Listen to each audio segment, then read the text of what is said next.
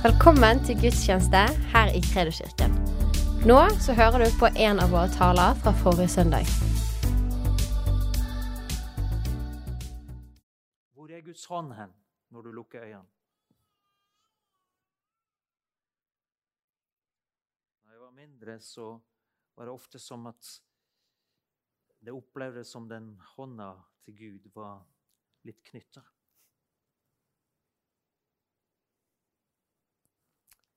Men det har skjedd noen ting i løpet av årene. Som er noe som Guds, Guds ord og Guds nåde har gjort. Den hånda er ikke knytta lenger, det bildet. Men jeg merker Guds hånd Jeg kan ikke forklare det på en annen måte. Jeg merker, det oppleves som jeg merker høyrehånda hennes på meg. Og den er åpen og den er anerkjennende. Og noen ganger oppleves den helt sånn konkret. Som en, som en gutt som bare får en anerkjennende hånd fra far, fra pappaen sin, som legges på hodet. Amen. Det er Guds nåde. Og da er det, ikke, det er fordi at jeg er den jeg er hans, hans, sønn, hans barn, du er hans datter. Det er derfor den hånda er på deg. Ikke fordi vi nødvendigvis gjør alt fullkomment eller rett, hvilket vi ikke gjør. Men han anerkjenner oss, meg og deg. Og han er åpen.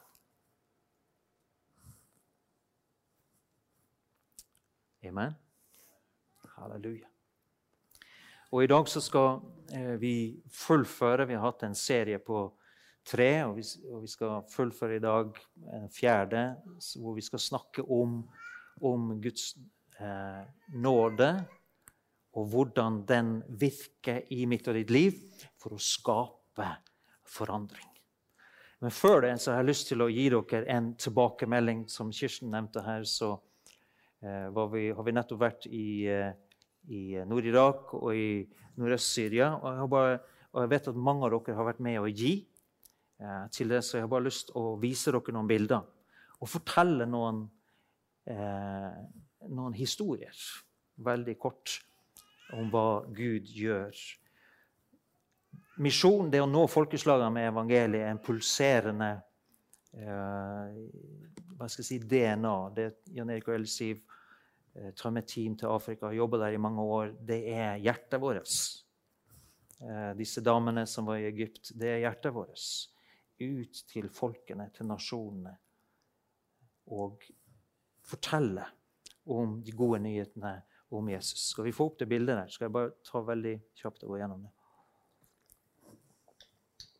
Her er vi i en flyktningleir mellom en by som heter Erbil og Mosul. Disse barna her har levd under IS. Tror du Gud elsker dem? Ja. Her er Kirsten som er sammen med dem. Og Jeg har bare lyst til å gi dere noen ansikter på disse fantastiske barna. Vi skal ha et team med dit nede i påsken, eh, hvor vi skal ha en leir for, for, i en flyktningleir for i hvert fall 160 av disse barna. En language of love. Vi skal lære dem om eh, kjærlighetens språk. Hva det betyr, og hva tilgivelse betyr, hva det betyr at vi har hva et verdien på et menneske Eh, og sann ære. Altså hvordan sann ære er det å hjelpe din neste, ikke å ta hevn osv. Det er så mye flotte unge mennesker. Skal du gjøre en forskjell i den verden, her, så må vi starte med barna. Før de blir radikalisert. Og det var så mye gode øyne der. Barn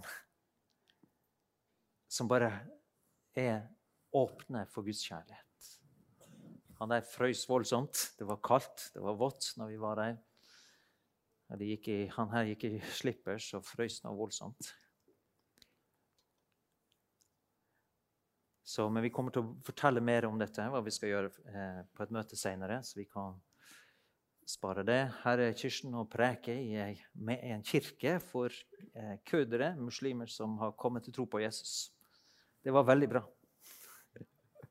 De ga kjemperespons. Her er oppe ved grensen til Iran og driver og underviser Bibelen der. Nye troende som er bare så sulten på Guds ord. De lever i sterk forfølgelse, men de, de fortsetter. Og så var det mange av dere som har gitt eh, penger, så vi kunne få inn hjelp, nødhjelp inn i Syria. Og ved Jeg kan ikke fortelle hele greien her, for noe av det er på en måte skal vi holde for oss sjøl. Men her har du ambulanser pakka med medisiner som vi fikk over grensen fra Nord-Irak og inn i nordøst-Syria, hvor det er stor, stor nød. Og jeg kan si det, det var på én dag fikk vi tillatelse. Dette skjer normalt ikke, men vi ba til Gud, og vi gikk til høyeste hold og fikk favør. Når det normalt er nei, så ble det ja denne gangen. Det er krig der inne, eller i området rundt der, så vi møtte, masse militære og så videre. Men her møtte jeg en lege. Jeg hadde medisin som ble donert, spesialmedisin som ble donert fra Canada, som vi har fått sendt inn, som er pakka for sånne, altså satt sammen for sånne krisesituasjoner. Vi hadde fire mottakere, og jeg ville reise inn sjøl og, og, se det komme fram til de riktige, som igjen kan ta det ut til pasientene. Da.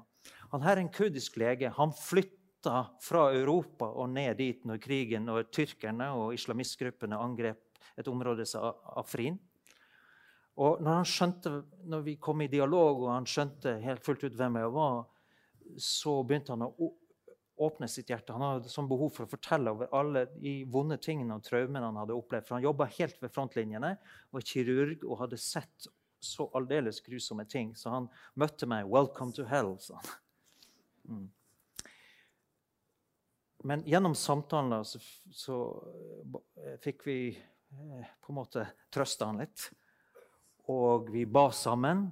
Også, men så fikk jeg ikke forklart evangeliet fullt ut foran seg. På WhatsApp så skrev jeg forklarte evangeliet om Guds kjærlighet og hva Jesus hadde gjort for oss Og så videre, og så videre. For han, han, sa til meg før, jeg, før vi skilte, sånn sånn eh, The church is much better than the mosque. så, så, eh, så, jeg skjønte han her må jeg forkynne evangeliet til. Og så eh, sendte han meg et bilde. da.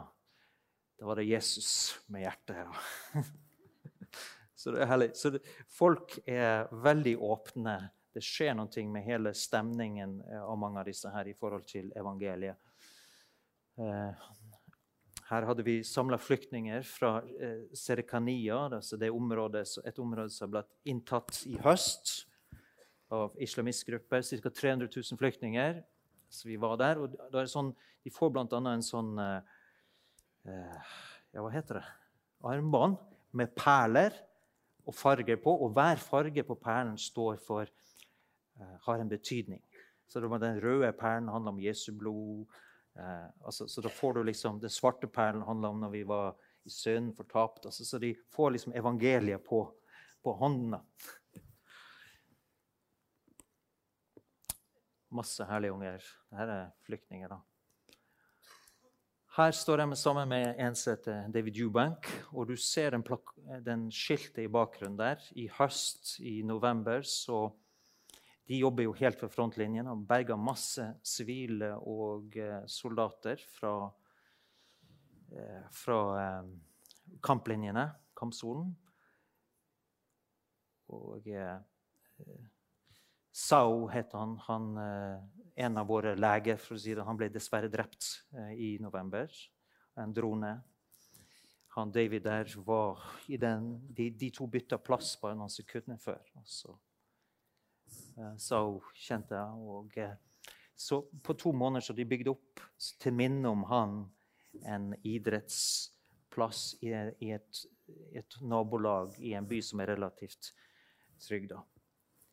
Uh, så vi var der til ære for han da, mintes han Sao Seng, som han heter, fra Myanmar. Og det er utrolig hvordan en møter mennesker som rett og slett er åpne for evangeliet. Så når han Taxisjåføren som kjørte meg til grensa når jeg skulle tilbake igjen, når han skjønte hvem han var, så tok han opp liksom det her eh, lokket ved siden av eh, forsetene. Og så tok han fram Bibelen, og så la han den på dashbordet. Kyssa han Bibelen. Og så viste han meg ID-kortet. Muslim, muslim, men Jesus, Jesus. Sånn, vi, liksom, det var det vi klarte å kommunisere. Og så Bibelen. Herlig. De er der. Det er helt, helt fascinerende. Og vi fikk også be og snakke sammen med politiske, noen militære ledere. Og sånn. Og det som er forunderlig, det er det at eh, gjennom samtalen og når vi ber, så merker du helt konkret hvordan Guds fred og nærvær kommer over dem. Og de, iblant kommenterer de det også. De, det, det, er veldig underlig. Mennesker i, med ansvar, i høy autoritet, eh, i liv og død-situasjoner. Gud er der. Hvis hjertene vender seg til Gud, så er han der og hjelper deg. Bra. Tusen hjertelig takk. Poenget var det kom fram. Tusen hjertelig takk for alt det dere har gitt. Og så skal vi ned igjen i påsken, da spesielt for disse flyktningbarna. Og vi skal ha også en leir for, nye, for barn fra nye troende familier. Flyktninger fra kurdere fra Syria. Så det gleder vi oss også til. Supert. Det har vært en klapp. Yes.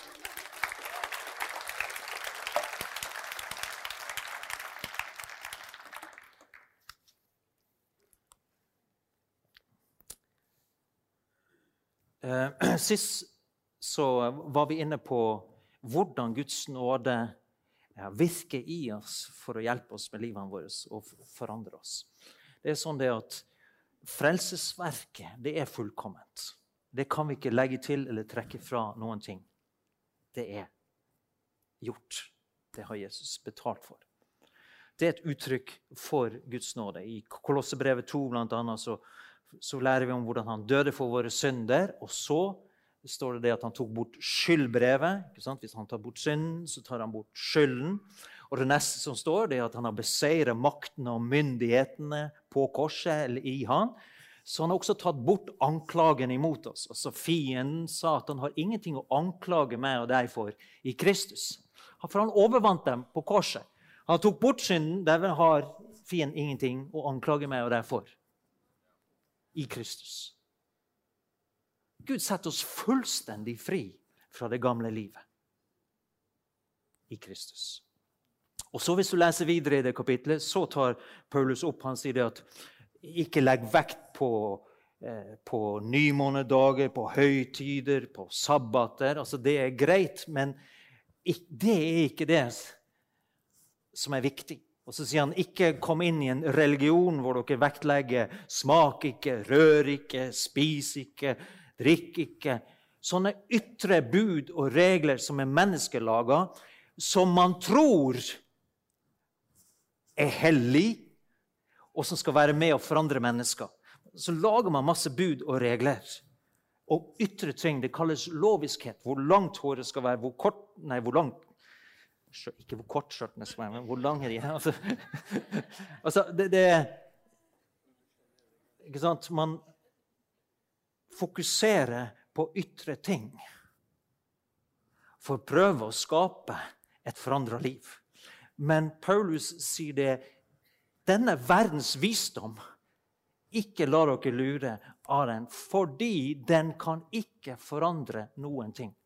Den bare tjener til å tilfredsstille menneskets kjødelige natur, altså den religiøse tilbøyeligheten som fins i den falne naturen, hvor vi veldig gjerne vil opparbeide vår egen rettferdighet.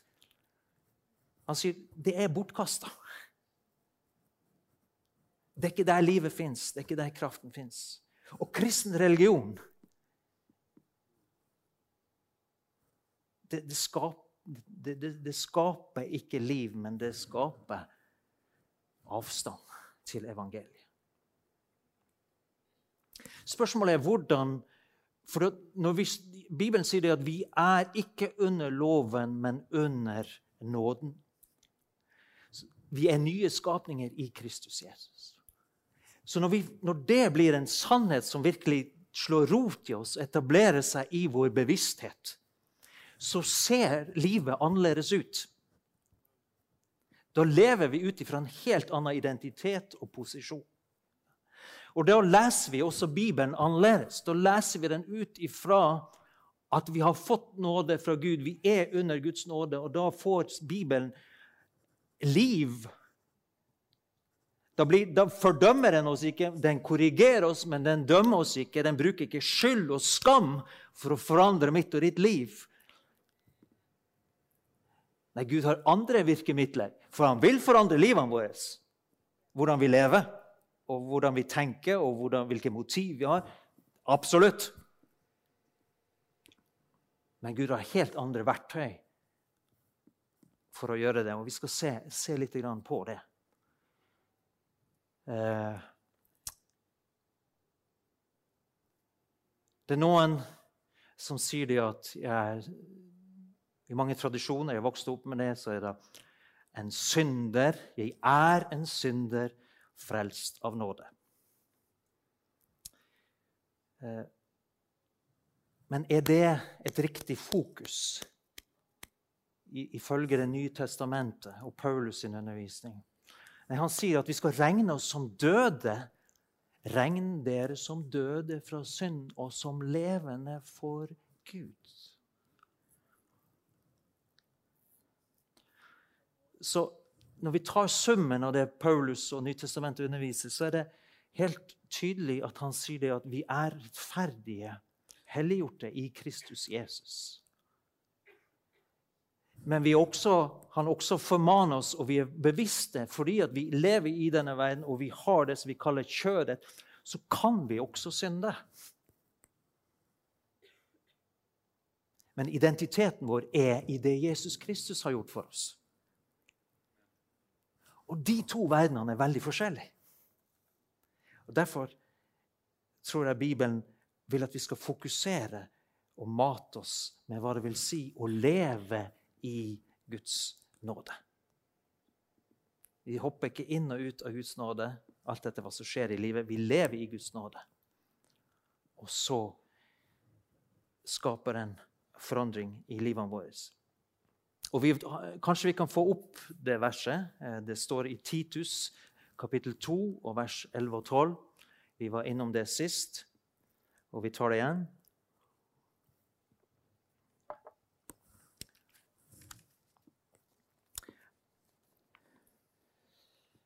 Da står det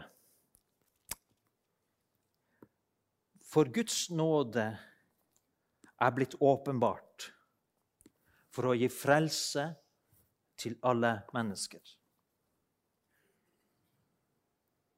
Ser du det? Alle. Nåden er blitt åpenbart for gi frelse til alle mennesker. Og så sier han noe interessant her. Guds nåde oppdrar oss til å si fra oss ugudelighet og de verdslige lyster og leve i Leve, for, leve forstandig, eller her står det 'leve i selvtukt, rettferd og gudsfrykt i den verden som nå er. Leve forstandig, eller leve i selvtukt. Begge deler går an å oversette med. Når jeg og du tenker kanskje på selvtukt, så ser vi for oss disse religiøse øvelsene. Har du sett eh, sjiamuslimene, hvordan de Jeg pleier å følge med på TV når jeg er nede i Midtøsten. Se hvordan de slår, slår seg sjøl, de pisker seg sjøl fordi de skal sørge over eh, deres eh, leder som, eh, som led martyrdøden for mange mange hundre år siden. Og, og man tenker at ved å plage seg sjøl, ved å slå seg sjøl, så er det en, en religiøs aktivitet som er Gud velbehagelig. Kanskje noen av oss plages med det at vi, vi har den indre stemmen som veldig ofte snakker til oss og anklager oss. At det, 'Å, det gjorde du ikke godt nok. Det var ikke så bra.' Og så føler vi på en måte at vi ikke strekker til. Det er en sånn gnagende opplevelse, følelse av å være litt fordømt eller litt sånn ikke helt eh, god nok. Men, men det er ikke selvtukt i Bibels forstand eller å leve forstandig. Å leve forstandig sett ut ifra dette her, fra Guds nåde, er det det at jeg vet at jeg, så lenge jeg er i denne verden, så har jeg potensialet Det ligger latent i lemmene, om du vil, til å synde. Derfor må jeg passe på hvordan jeg lever. Her er det et element av Hva står det her? Til å si fra oss ugudelighet. Hvem skal si fra, oss, fra seg ugudelighet? Den ligger litt på vår banehalvdel, gjør den ikke det? Gud har gitt oss nåden. Han har gjort alt til rette. Og Så sier han, si fra dere ugudelighet. Eh, det fins masse fristelser i denne verden. Noen har sagt at for en mann så er dette med, med makt, penger, sex Det er sånne områder som, som har veldig sterk på en måte, fristelse, drakraft i, menneske, i en, en manns liv, hvis den gir det rom og næring. La oss bare ta en mobil i dag. Det er ett eller to tastetrykk, så er en inne på pornosider. Det er så lett tilgjengelig, det er så nært som det aldri før har vært. Hvordan lever jeg forstandig med noe sånt? Hvordan lever jeg, sånn som Bibelen sier i selvtokt? Vi trenger Guds nåde. for å holde oss unna de tingene. Og det er naivt å tro at det ikke kan ramme oss alle sammen. Under gitte omstendigheter, hvis vi utsetter oss sjøl for det. For det er gift. Det er vanedannende. Det er, som, det, det er som narkotika, sier de som forsker på det. Så jeg må leve forstandig, sier Guds nåde. Ikke utsett deg sjøl for fare og for fristelse. Penger har en enorm Altså mammon, om du vil, har en veldig sterk kraft i seg. Sånn som Kirsten sa her, det er lurt.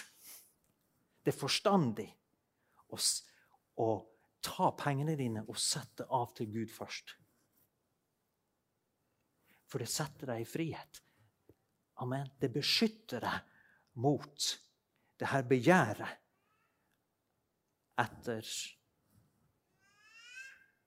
falsk økonomisk vinning og gjerrighet. Det er å leve i forstand, forstandig i Guds nåde. Makt, ubegrensa makt, er en fare. Og det, det underlige, eller det fascinerende med Jesus, at til og med han, når han vandra på jorda, så ga ikke han seg sjøl ubegrensa makt. Han respekterte menneskers vilje, fordi de var skapt. For hvert menneske er skapt i Guds bilde. Potensielt så kunne han jo utøve all makt, men det gjorde han ikke. Fordi han har beslutta med seg sjøl fra skapelsen av at skal at mennesket skal det, Fordi det er skapt i hans bilde, så kan ikke han trå over et menneskes vilje. Så Jesus potensielt han så at han var frista i alt. Han potensielt kanskje var frista til å trå over, for han hadde makt! Til å trå over et menneskes vilje. Men han gjorde aldri det. Jesus synda aldri mot mennesker på den måten. Selv om han hadde utgangspunktet makten, så ble han en tjener for oss. Han avsto fra den makten for å tjene oss. Fantastisk eksempel på hvordan vi kan leve forstandig i denne verden. Eh, nåden oppdrar oss på den måten at når vi forstår at Kristus er nåden personifisert, og at Den hellige ånd er nåden sånn, blir det lettere å forstå det.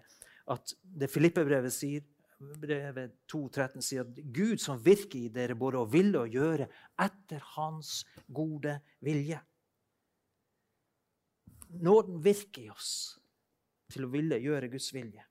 På samme måte sier Johannes brev at vi skal bære frukt ved at vi forblir i Han. Hvordan forblir vi i Han? Ved at vi forblir i Hans ord, og Hans ord forblir i oss, sier Jesus. Vær kobla til meg, sier han. For da vil nåden flyte uten begrensning i mitt og ditt liv. Lev ut nåden som du har fått, eller lev i nåden som du har fått. Nåden bruker Bibelen, Skriften, som er innånda av Gud, som er nyttig til lærdom, til overbevisning, til rettledning, til oppdragelse i rettferdighet. For at mennesket kan være fullkomment satt i stand til all god gjerning. Nåden er ikke passiv. Den setter oss i stand til hva da? Gjerning. Gode gjerninger.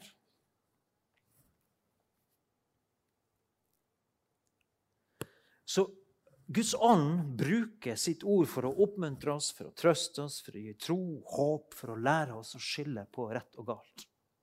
Ikke som en lovbokstav som slår, men som en fostrende. Oppdragende, livsforvandlende kraft i mitt og ditt liv. Så ordet er det viktigste redskapet Gud bruker. Og og hvis vi leser helheten av Skriften, så ser vi det til og med at, at nåden i de vanskeligheter og prøvelser og lidelser som vi kan oppleve her i verden, har Gud en evne til å snu til en, en opplevelse av Hans nåde og Hans barmhjertighet. Og det har en, en forvandlende effekt på oss. Paulus sa det at med Guds nåde er jeg den jeg er, og Hans nåde mot meg har ikke vært forgjeves. For jeg har arbeidet mer enn noen av dem, det vil si ikke jeg, men Guds nåde som er med meg. Så Guds nåde gjør oss ikke passive, men den gjør oss aktive. Så sier Bibelen også Det må vi ta med. At det kan være noen ting som hindrer Guds vilje, nåde å, fungere og utrette fullt ut det den er tenkt til i mitt og ditt liv. Eh, som jeg sa tidligere, vi er, vi, har, vi er personer med en vilje og Derfor trenger vi å gi oss til Guds nåde og la. Det, er den formuleringen som Bibelen bruker veldig ofte. La dere forvandle. La Guds fred råde i hjertene. La ikke kroppen bli et redskap for det onde.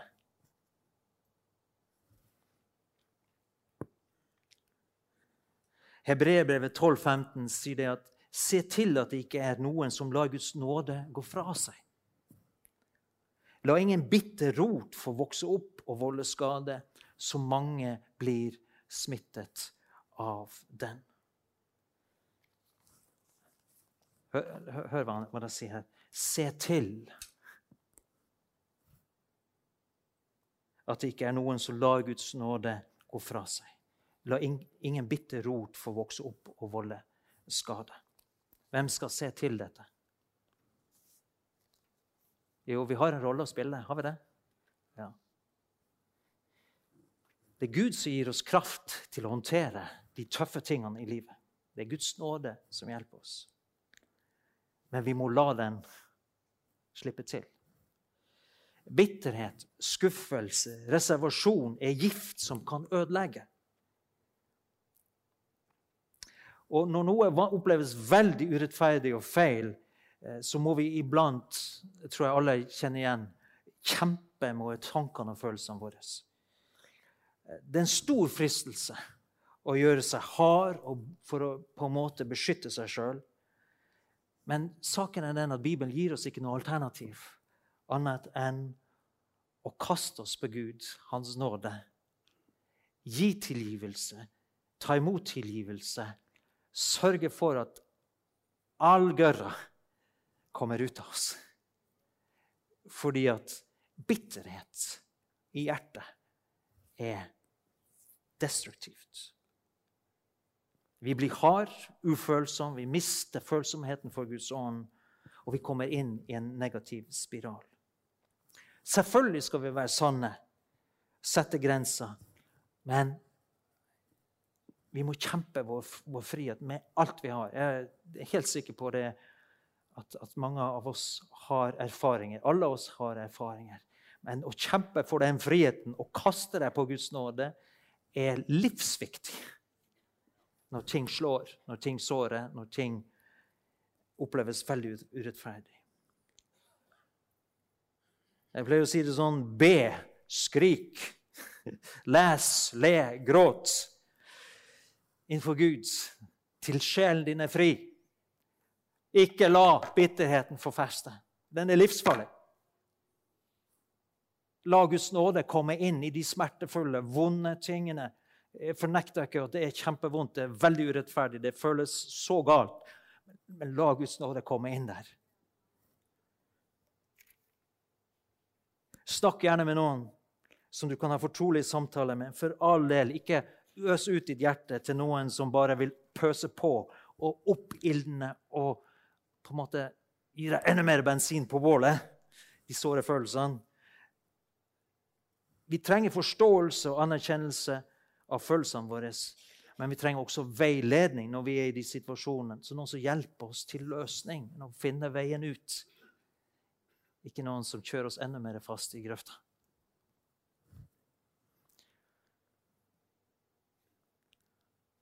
Og jeg vil også si det at for å holde vår sjel, tanker, følelser, vilje på sporet, er det viktig at vi også lever med den forståelsen av at vi trenger også å be Gud om tilgivelse i relasjon med ham. Første Johannes brev snakker om dette. her. Det, nå, det fins en lære som sier at nei, Jesus har tilgitt all vår synd. Derfor trenger vi ikke å, å be om tilgivelse.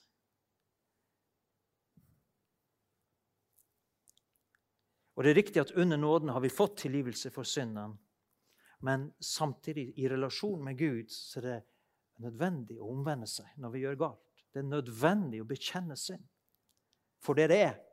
Å leve ærlig. Johannes evangeliet, første kapittel, snakker om å leve sant, leve i lyset. Når Guds nåde hjelper oss til å leve i lyset. Det står Gud er trofast og rettferdig og tilgir våre synder og renser oss fra all urett. Hvor er det uretten fester seg hen?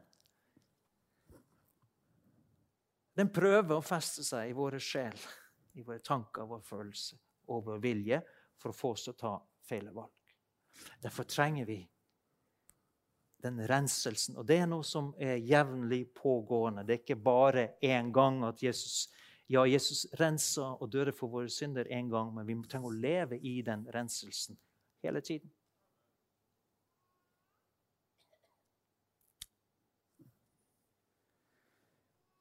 Kanskje vi kan sammenligne det med et ekteskap. Jeg vet ikke om det bildet er helt fullgodt, men vi prøver. Eh, selv om en ektefelle da skulle synde mot den andre, så står jo ekteskapspakten ved lag. Den er juridisk bindende inntil Men dersom vi ikke gjør opp med hverandre, hvis vi ikke ber hverandre om tilgivelse og eh, gir nåde til hverandre i et, en ekteskap, i en relasjon, så, så vokser det frem mistillit. Eh, avstand i hjertet. Reservasjon. Går det riktig langt, så kommer det forakt som et sånt kjennetegn. Og det igjen kan vet vi kan lede til skilsmisse. Er det riktig? Kan det? Så Derfor sier Bibelen 'la ikke noe bitter rot få plass. Gud er trofast, han vil ikke bryte sin pakt. Men vi mennesker kan bli forherdet. Og til slutt komme så langt at vi avsier oss troen, vi avsier oss eh, frelsen i Jesus Kristus. Det er heldigvis en lang vei dit, men eh, Gud ønsker aldri at vi skal begynne på den veien en gang. Se til at ingen lar Guds nåde gå fra seg står det at vi skal vise forstand med dem som står utenfor. Kjøper den rette tid. Og så står det 'tal alltid vennlige ord, eller 'tal alltid ord med nåde til hverandre. La det ha salt og kraft, så dere vet hvordan dere skal svare hver enkelt. Hebreerbrevet 12,28. Siden vi altså får et rike som ikke kan rokkes, så la oss være takknemlige. Eller det kan også oversettes i Bibelen, Guds ord, så står det siden vi har fått et rike som ikke kan rokkes, la oss ta vare på nåden. Amen. Dere dyrebare nåden som vi har fått av Gud.